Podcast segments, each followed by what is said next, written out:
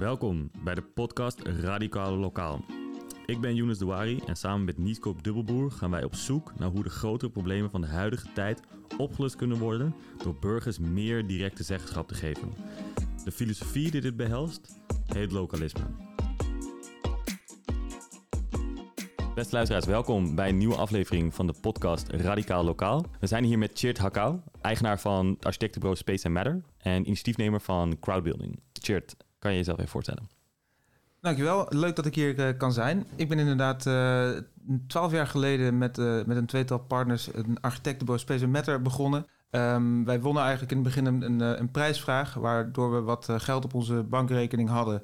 Uh, zodat we geen uh, opdrachten hoefden te krijgen van mensen. Dat was wel goed, want in 2009 was het financiële crisis. Dus niemand belde ons om een, uh, om een uitbouw te ontwerpen of zo. Dus wat we toen moesten doen is eigenlijk zelf gaan bedenken wat voor opdrachten we konden doen. En we hadden dus wat geld, dus we hadden dan ook geen opdracht nodig. En we zijn toen onze eigen projecten maar gaan bedenken. En een van de eerste projecten was eigenlijk... Of de eerste, het eerste idee wat we hadden waren, ging over de brugwachtershuisjes in Amsterdam. Die stonden leeg en we dachten hoe vet zou het zijn als je daar kon overnachten. toen hadden we nog een soort van hotelprobleem. Er waren te weinig hotelkamers in Amsterdam. Kun je je niet meer voorstellen. En uh, nou, daar hebben we eigenlijk allerlei partijen bij, bij gezocht om te kijken van... Uh, kunnen we dat uh, waarmaken? En het duurde uiteindelijk negen jaar voordat de, de, de eerste brugwachtershuisjes open gingen. En toen was in de, inmiddels het hele sentiment rondom hotelkamers compleet veranderd. Ja, precies. Mooi, want, want eigenlijk de, de, de doel van deze, van deze aflevering... is om heel erg ja, te kijken vanuit de ondernemersblik. want dat doen we natuurlijk altijd in de politiek. Uh, de, we, hebben het, we hebben met Simon Otjes gesproken van, vanuit, de, vanuit de, de academie. Met uh, Bert Slachter vanuit de, vanuit de filosofie. Uh, met burgerinitiatieven. en we zijn gewoon heel erg benieuwd naar hoe, ja, hoe dit vanuit de ondernemersblik eigenlijk ervaren wordt. Dus misschien kan jij, kan jij wat vertellen over, over, over wat, jij, wat jou, volgens jou de definitie is van lokalisme.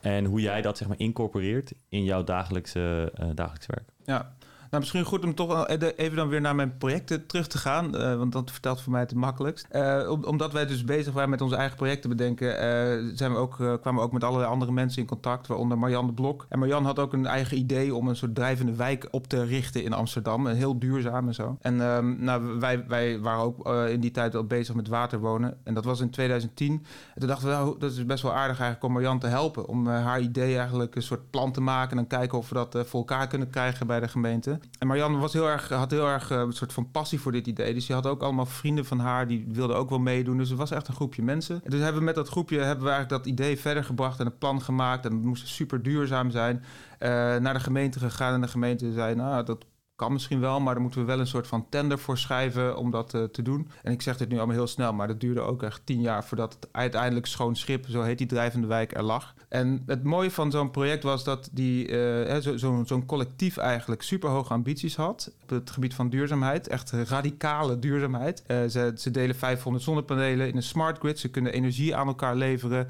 Ze hebben zelfs een drijvende biovergister. Ja, ja nou ja, super decentraal. Hè? Dus eigenlijk zou je het helemaal zo off-grid mogelijk. Uh, nou ja, als je dan een project zoekt, dan is het schoon schip. Dus, uh, en dat, gek genoeg, is het allemaal gelukt. En is er ook allemaal nieuwe technologie ontwikkeld door dit project die dat uh, mogelijk maakte. En toen dachten we, ja, eigenlijk van als je dit door een, commerciële marktpartij zou laten doen, zo'n project ontwikkelen, gaat dat nooit op die manier. Dan ga je nooit zo hard investeren in duurzaamheid. Dan ga je nooit al die soort van sociale plekken ook die in die wijk zitten, ga je, ga je maken. Want ja, dat doet helemaal niks voor je, voor je verdienmodel. Dus uh, dat was eigenlijk de kracht die, en van, van als je met burgerinitiatieven of collectieve uh, werkt, die zelf daar gaan wonen. Hè? Dus met echt eindgebruikers of bewoners zoiets opzet. En zo zie ik het ook een beetje uh, nou ja, hoe het lokalisme daar voorkomt. Want die mensen, dat is een community nu van 46 woningen, waar in totaal meer dan 100 mensen wonen, inclusief allemaal kinderen. En die, uh, ja, die, die bepalen met elkaar van alles. Dus die, die, die, de ene die heeft 20 zonnepanelen op zijn dak, de ander 10. Dus degene met 20 zonnepanelen, die verkoopt eigenlijk energie aan zijn buurman. En nou, op die manier kunnen ze ook met elkaar allerlei andere extra features in hun wijk hebben. Dus ze delen met elkaar ook elektrische auto's, 12 stuks, elektrische bakfietsen enzovoort. Dus op die manier is het een, ja, soort mini-community in, in, in Amsterdam-Noord... die ontzettend ja, zelf, zelfredzaam is. En ook dus met elkaar dingen moet bepalen... hoe, ze, nou ja, hoe ze met bijvoorbeeld de gemeenschappelijke ruimtes omgaan... of als er onderhoud gepleegd moet worden. Dus dat wordt allemaal op dat lokaal... Ja, in, in, een gemeenschap van 46 huishoudens geregeld. En je zegt, je bent naar de, naar de gemeente gegaan... Hè? dus zeg maar even de officiële systeemwereld. Welke obstakels kwamen jullie daar tegen? Ik bedoel, werd er iets afgedaan aan jullie eigenaarschap van, van dit verhaal? Nou, uh, eigenlijk was de gemeente best. Uh, uh, nou, in, dat, die, die kavel, die waterkavel die er was, de, gemeente had het al wel in de lange termijn plannen van de Buiksloterham, de wijk waar, deze, waar dit buurtje ligt, gezet. Alleen dat zou eigenlijk het sluitstuk van de hele gebiedsontwikkeling zijn. Dus toen heeft de gemeente wel bepaald, nou oké, we kunnen dat misschien wel naar voren halen. Maar je kunt het niet zomaar als gemeente één op één aan een burgercollectief gunnen. Dus het moest dan getenderd worden, zoals je dat noemt, aanbesteed. Dus de, ja, de gemeente heeft toen een soort van ja, prijsvraag uitgeschreven waar eigenlijk iedereen die wilde op kon indienen. Nou, gelukkig waren er maar twee partijen die indienden, waar wij er één van waren. Uh, en toen heeft Schoonschip gelukkig gewonnen. Maar er kwam daarna wel meteen een rechtszaak aan van de nummer twee, want die was het allemaal niet eens met de procedures en zo. Was dat een, een particulier? Was dat een, ja, dat was een eh, projectontwikkelaar ja, die dat ja. uh, ook, ook wilde. Ja. Wow. Dus, maar in, in principe hebben we best wel um, ja, veel hulp gekregen van de gemeente om dat voor elkaar te krijgen. Maar dat had ook wat te maken met de tijd. Hè? Want dit, was, dit speelde dus tussen 2010 en uh, 2019, toen die wijk er, er lag. En, en, dat wij erbij betrokken waren. En dat was de, niet een tijd van hoogconjunctuur. En dat was geen tijd voor grote projectontwikkelaars die allerlei dingen deden. Want een paar jaar, of eigenlijk in die tijd, is ook een, in Amsterdam een bouwstop gekomen Juist omdat de grote partijen uh, niet meer wilden en stopten met, met ontwikkelen. En ja, dat creëerde de ruimte voor dit soort initiatieven om, uh, om een plek te claimen. Dat is nu bijna niet voor te stellen. Hè? Dat, dat, dat, dat is even een beetje een side ding, maar waarschijnlijk is het, zou het nu veel moeilijker zijn om als bewonerscollectief uh, zo'n stuk grond uh, tot ontwikkeling te kunnen brengen. Nou, zeker als het, als het niet al in het plannen van de gemeente zit. Ja. dus het ja. is heel erg.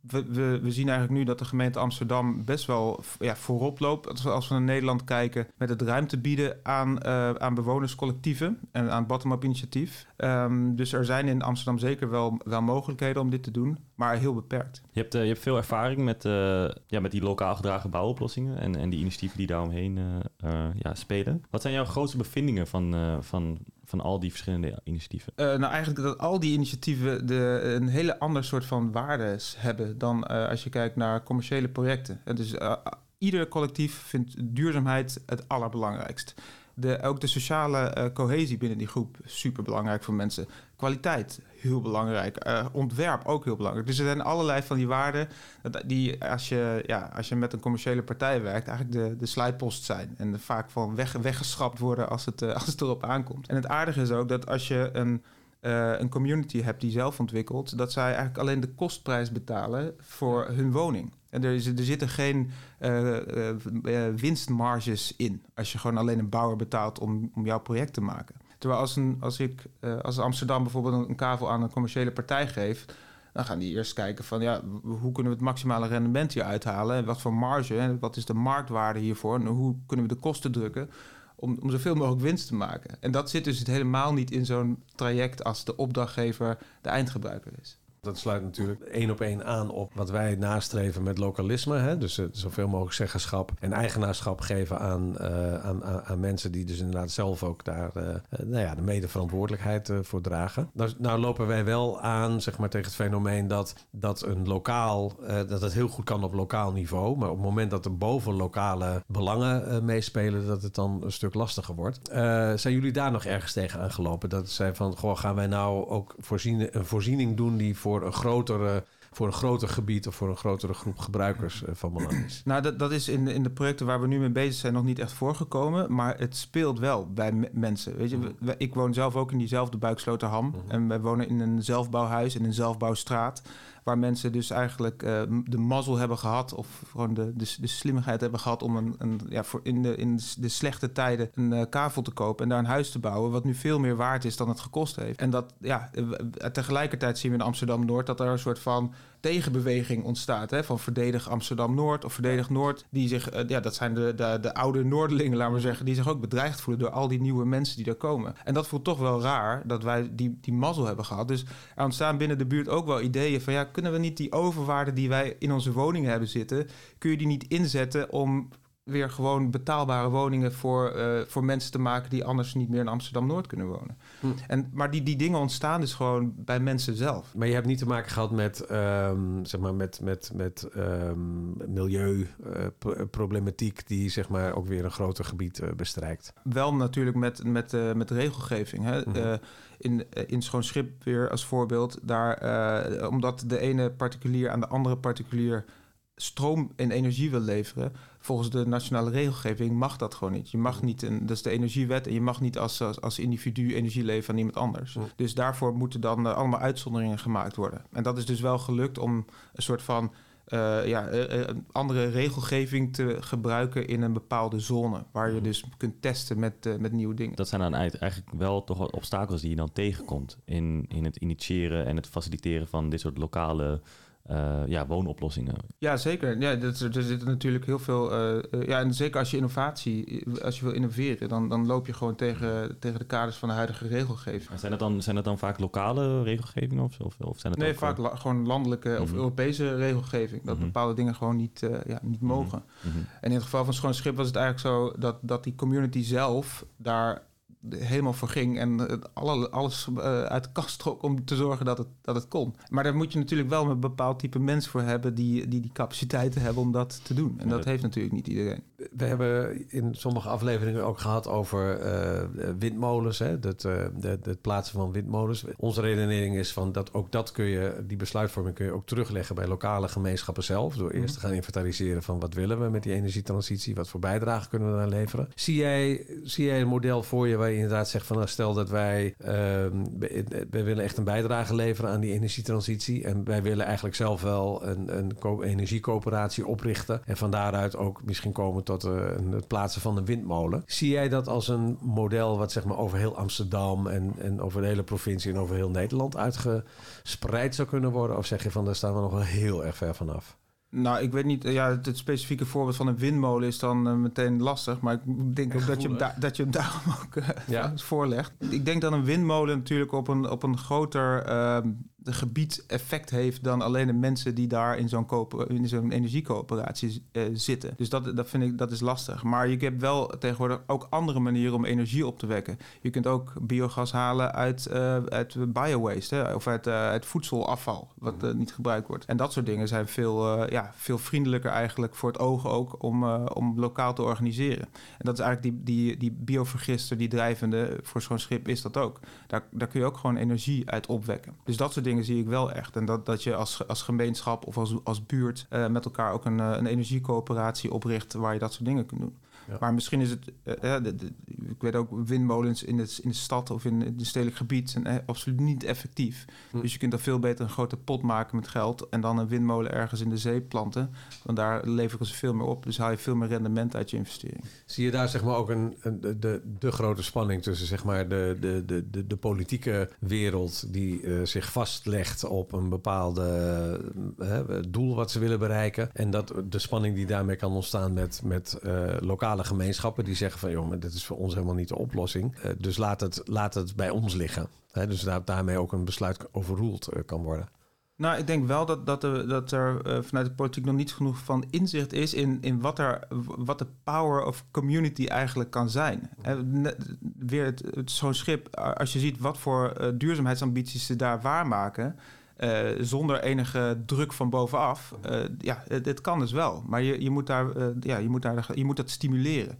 Je moet het meer stimuleren en faciliteren dan dat je het oplegt. Dat soort. En, en zien jullie jezelf ook zeg maar, als een pionier? En, en, en kun je al zeggen van het gaat een soort van olievlekwerking krijgen naar andere gebieden, andere mensen? Nou, dat willen we heel graag doen. En, uh, en daar, daar, is het crowdbuilding platform eigenlijk ook voor ingericht. Dus toen wij die wijk gemaakt hadden en zagen van ja, als je, als, waarom als, als mensen zelf dit soort projecten kunnen maken, waarom doen we dan niet veel meer van dit soort projecten? Ja. En, uh, nou ja, en het antwoord is, waarom doen we dat niet? Nou, A, gemeentes hebben niet echt uh, de kennis daarvoor. Hè? Uh, Amsterdam doet het wel, maar verder in Nederland is het echt heel schaars. En worden... Almere misschien, Oosterwold? ja, Ooster, Oosterwold is dan een voorbeeld. Maar het zijn allemaal soort van pilots. Hè? En er is niet een soort van blueprint van, zo doen we dat. Nee. Dit is de manier waarop wij als gemeentelijk Nederland ja, plekken aan burgers uh, geven. Mhm.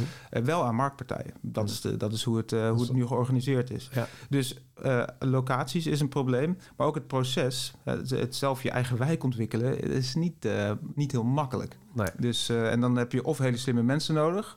Of je hebt gewoon hele goede partijen nodig die mensen daarbij kunnen helpen. En die zijn er gelukkig genoeg. Alleen die werken nu vaak uh, voor, uh, nou, voor marktpartijen, maar die kunnen natuurlijk ook gewoon voor, voor burgercollectieven gaan werken. Uh, en het is heel moeilijk om andere mensen te vinden om ja, met elkaar zoiets te doen. Ja, dus eigenlijk wat, wat jij stelt is dat er een infrastructuur ontbreekt om al die lokale initiatieven een soort van blueprint te geven om, ja, hun, om hun waardes eigenlijk goed om te zetten in, in, in, in vormen die zij belangrijk vinden. Ja, Bijvoorbeeld precies. woonvormen of... Dan kun je naar Funda, maar als je nu een bouwgroep zoekt, ja, waar moet je die vinden? En ook Amsterdam is heel erg bezig met wooncoöperaties.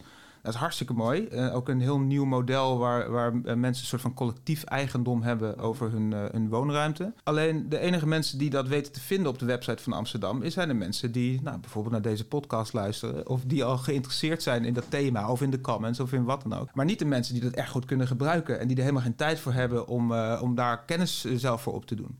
Dus je moet het op een hele andere manier naar mensen toe brengen. En dat is dus ja, ik denk als je een platform hebt zoals Funda, wat gewoon de place to go is als je op een andere manier wil wonen of collectief met anderen wil wonen. En dat je daar ook een soort van campagne voor maakt. Hè? Dus niet uh, in, uh, in VPRO tegenlicht, maar gewoon op RTL 4 een, uh, een commercial draaien. Dan bereik je een hele andere doelgroep. En als je met dat plan, dat, dat is wat we met crowdbuilding willen doen, is dus eigenlijk de, de koppeling te maken tussen mensen onderling, zodat ze een collectief kunnen vormen. De uh, mogelijkheid geven voor gemeentes om een locaties ook aan te bieden aan burgers. Het ook voor grotere gebiedsontwikkelaars makkelijk te maken om dat te doen.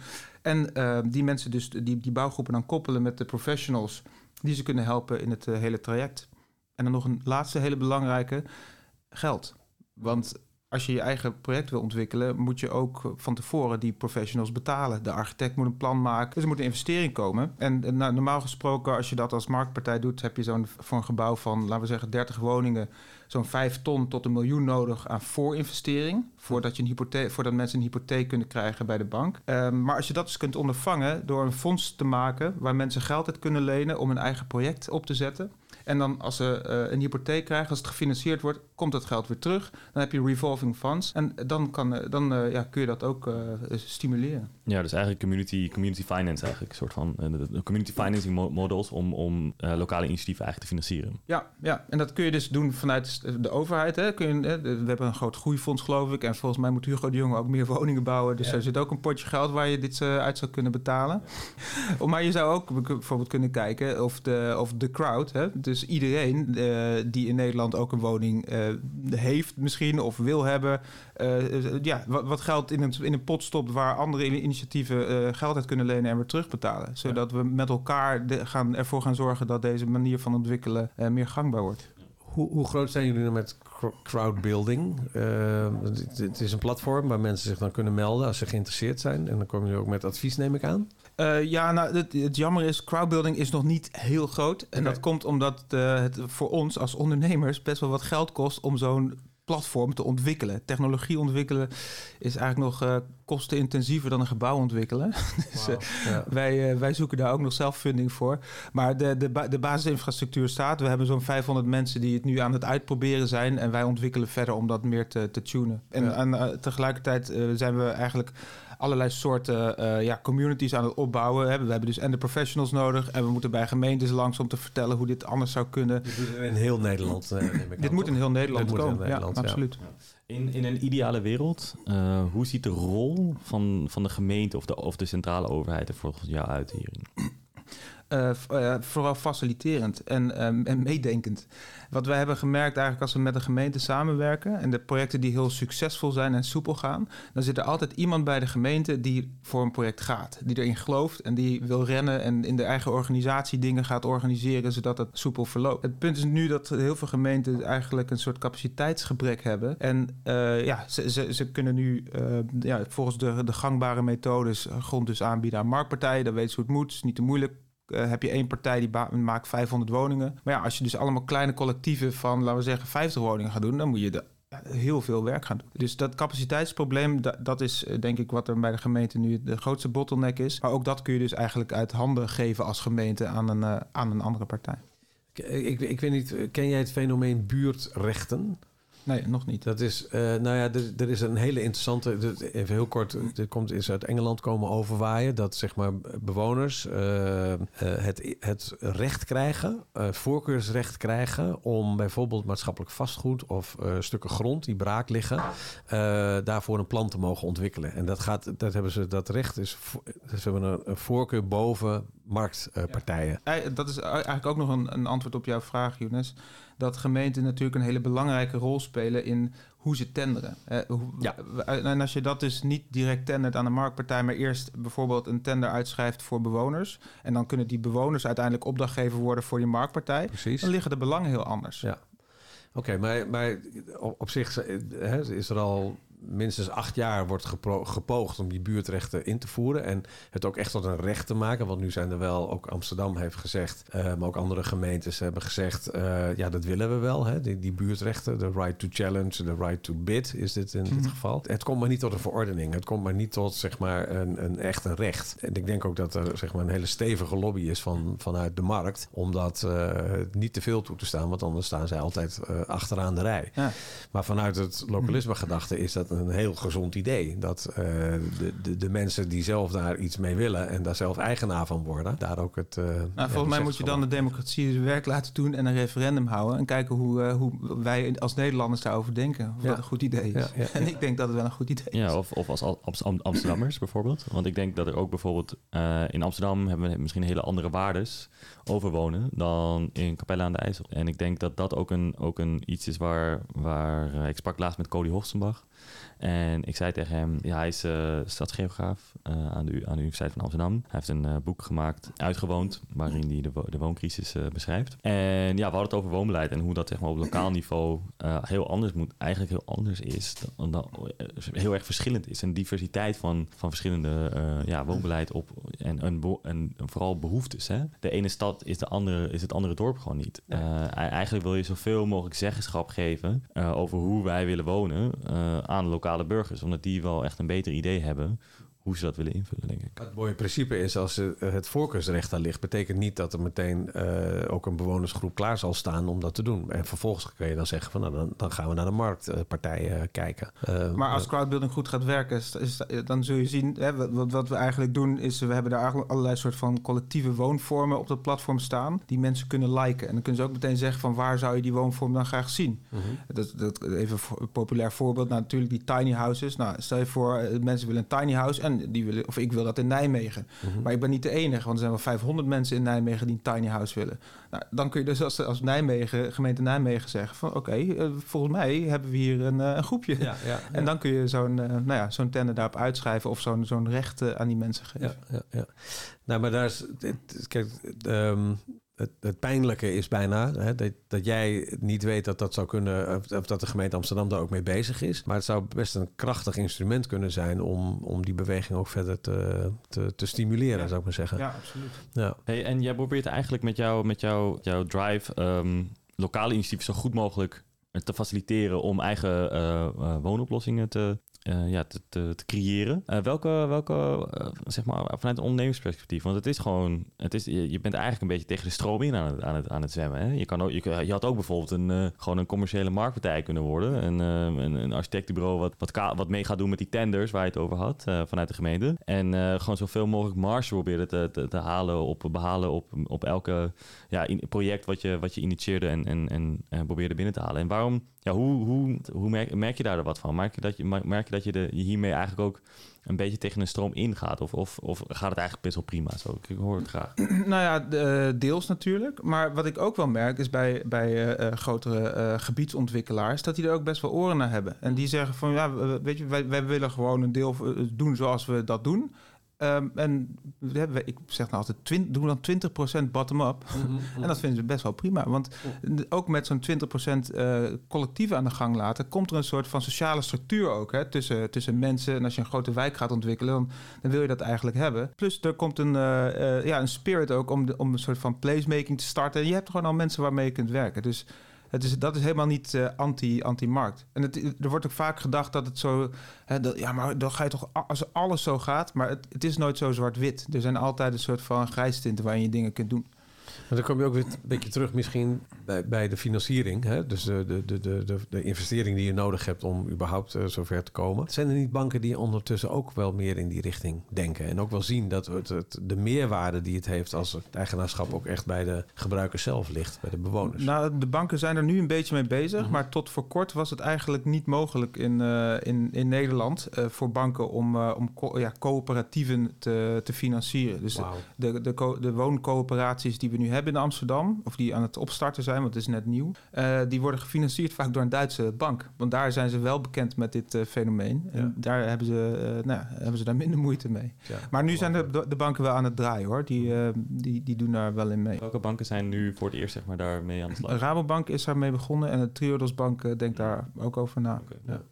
Nou, dat is cruciaal volgens mij, omdat uh, zelf ooit is het voorstel ontwikkeld om buurtbanken op te richten. Met geld, wat uh, ook dat komt weer uit Engeland trouwens, ook ik heb het niet helemaal zelf bedacht. Maar uh, met, met, met geld wat uit van, van overleden mensen, waar oh, ja. die helemaal geen erfgenamen hebben. En nu houden banken alle banken hebben een consignatiekas, heet dat, waarin zij dat geld 20 jaar lang moeten bewaren voor als er nog een claim komt van een of andere erfgenaam van die persoon. Maar daarna vloeit het gewoon naar de bank toe. En dat gaat echt om miljoenen, hebben we toen ontdekt. En nou ja, het is, het is niet opgepakt op landelijk niveau, maar we wilden echt een soort buurtbankwet maken, waarin dus zeg maar juist dit soort initiatieven dan ook uh, uit uh, gefinancierd konden worden. De, bizar toch eigenlijk, dat dat dan naar de bank uh, ja. terugvloeit. Ja, want het is geld van, van van, van iemand. Trouwens, er is ook heel veel geld van stichtingen, wat maar, maar blijft staan bij banken. En die stichting wordt opgeheven. En dan staat er niemand die. Tienduizenden staat erop. Moeten ze ook twintig jaar bewaren, maar dan vloeit het gewoon naar de bank ja. terug. Maar, maar dan vloeit het niet terug naar die gemeenschap. Want de nee. buurtbank zou wel kunnen zeggen dat misschien is een bank uh, dat het eigenaar, dat de buurt en bewoners eigenaar van zijn of zo. Of, uh, ja, dat zou je verwachten, maar dat is. Nou, dat was helemaal niet zo. Nee, absoluut ja. niet. Nee. Ja, nee. maar dat zijn wel hele interessante uh, ja, nieuwe manieren om erover na te denken. En ook zo'n zo buurtbank denk ik dat het überhaupt een goed idee is. Want ik denk ook dat mensen die in een eigen buurt wonen, zoals ik zelf, best wel wat over hebben om in zo'n bank te stoppen waar, waar, ja, waar je als, als buurt ook weer investeringen kunt doen in je eigen buurt. Ja. Waar, wat niet per se een, een verliesmakend, uh, een verliesmakende investering hoeft te zijn. Je nee. kunt gewoon een ruimte kopen waar ook weer, die ook weer verhuurd kan worden. Precies. Alleen dan, dan verhuur je misschien als het je eigen ruimte is in je eigen buurt zo'n plek liever aan een leuke onderneming dan aan commercieel ja. of aan een advocaat. Ja, misschien kan je daar wat over verder, mee, verder uitweiden. Want wij hebben natuurlijk over de, via de telefoon gesproken. Toen had jij verteld dat jij met jou dat jij in je buurt eigenlijk een buurt uh, coöperatief uh, hebt uh, gestart. Zou je daar wat meer over kunnen vertellen? Nou, we zijn uh, enerzijds willen we, willen we dus in een buurtcoöperatie, of ben ik met een aantal buren bezig om te kijken of we dit kunnen doen. Hè, en of we daar dus geld in, in kunnen stoppen in de buurtcoöperatie waarmee we plintruimtes uh, kunnen, kunnen kopen om, daar, uh, om dat aan leuke, leuke partijen te verhuren. Uh, maar aan de andere kant ben ik met weer andere buren bezig aan het nadenken van we hebben in zo'n zelfbouwbuurt een hele grote overwaarde op onze woning. En, en kun je nou niet die, die overwaarde ja, ook in zo'n buurtbank stoppen om dan, en dat noemen we het solidaire woonfonds, mm -hmm. om ook voor mensen die nou, niet de mazzel hebben gehad om een kavel te kunnen kopen, om daar betaalbare woningen uh, voor te maken. En, dat, en dat, dat gaat dan eigenlijk weer helemaal terug naar, naar iets wat je ook veel eerder zei. Dat waar, die waarde, uh, dat waardespel eigenlijk. Hè? Dus, dus heel erg kijken, oké, wat, wat, wat zijn van ons de, de waarden die wij belangrijk vinden als, als, als gemeenschap? En hoe willen wij die waarden talen in, in concrete actiepunten om, om, om die te, te verstevigen. En de een, ene van kan duurzaamheid zijn, maar dat kan eh, milieuduurzaamheid zijn, maar blijkbaar dus ook financieel, eh, financiële duurzaamheid. Dat, dat ook de overwaarde die wij creëren met onze gemeenschap, dat die ook weer terugvloeit of doorgaat, die door wordt gezet in, in andere leden van toekomstige eh, ja, community members. En Ja, dat- Dat precies. vind ik heel mooi. Het, het na, ook nadenken over de toekomstige generaties, hè, hoe die erin zitten. Ja.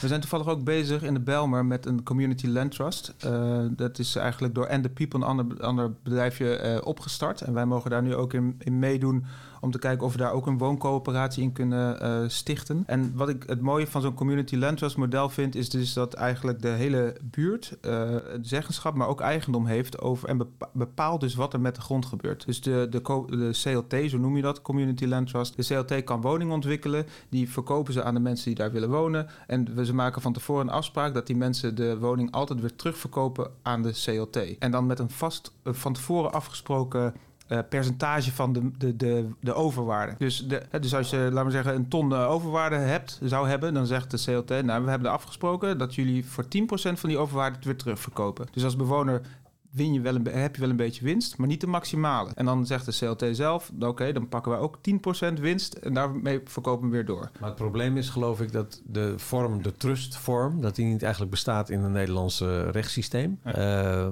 hoe, hoe is het daar opgelost? Of is het, is het toch een stichting of is het toch een coöperatie? Nee, de, de, eh, ik weet niet precies hoe dat nu zit, maar ze, we, de, het wordt nu opgezet. Dus ze zijn be- we zijn bezig met de oprichting. En er in, in België bijvoorbeeld is, zijn de CLT's al veel verder. Ja. De CLT Brussel die, eh, die is al echt in, in operatie.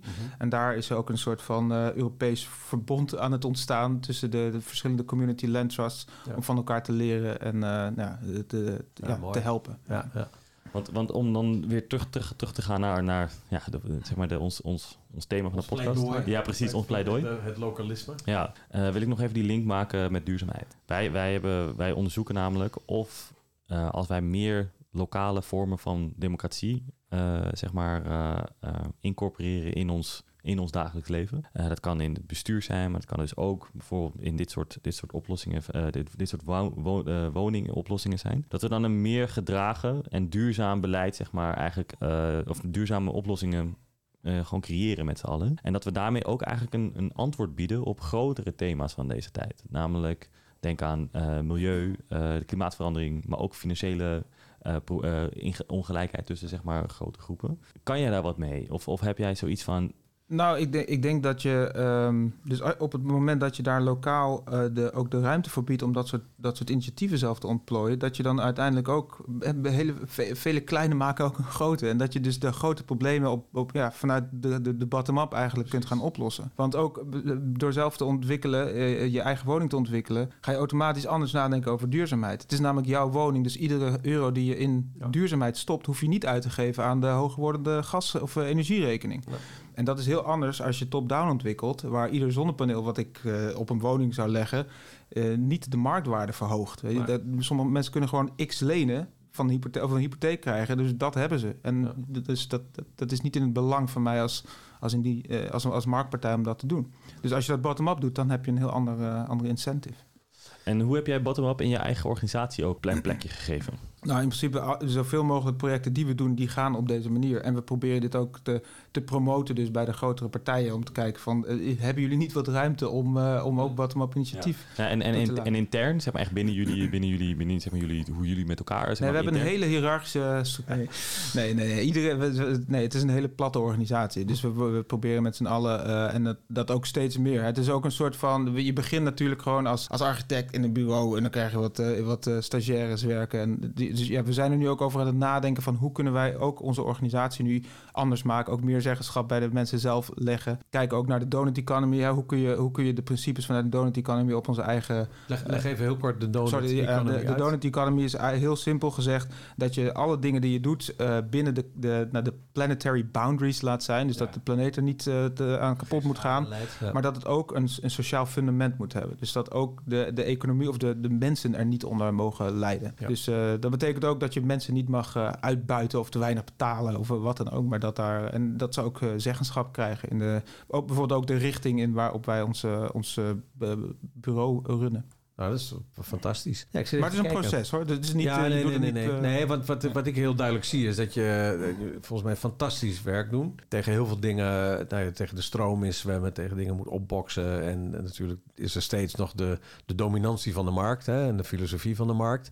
Eh, want efficiëntie, zou ik maar zeggen. En efficiëntie staat heel erg haaks op de gedachte van lokalisme. Eh, Tegelijkertijd is, eh, is het in die end veel efficiënter waarschijnlijk, want veel duurzamer. Eh, dus dat is een lastige zeg maar, eh, strijd die je hebt.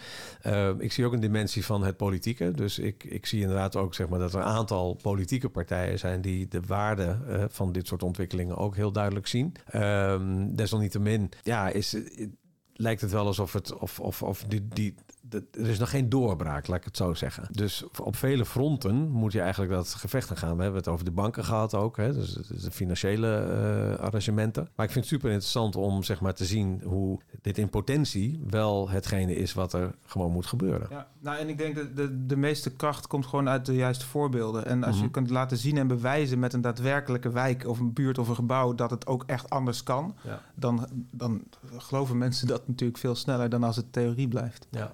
Dus, en zo proberen we ook te werken. Gewoon niet, niet te veel theoretiseren, maar gewoon in praktijk brengen wat we denken dat eh, kan. Practice what you preach. Ja. Gewoon dingen voor elkaar krijgen, zeg jij. Ja, dat is ook één ding Een waar... waar- do-tank eigenlijk. Precies.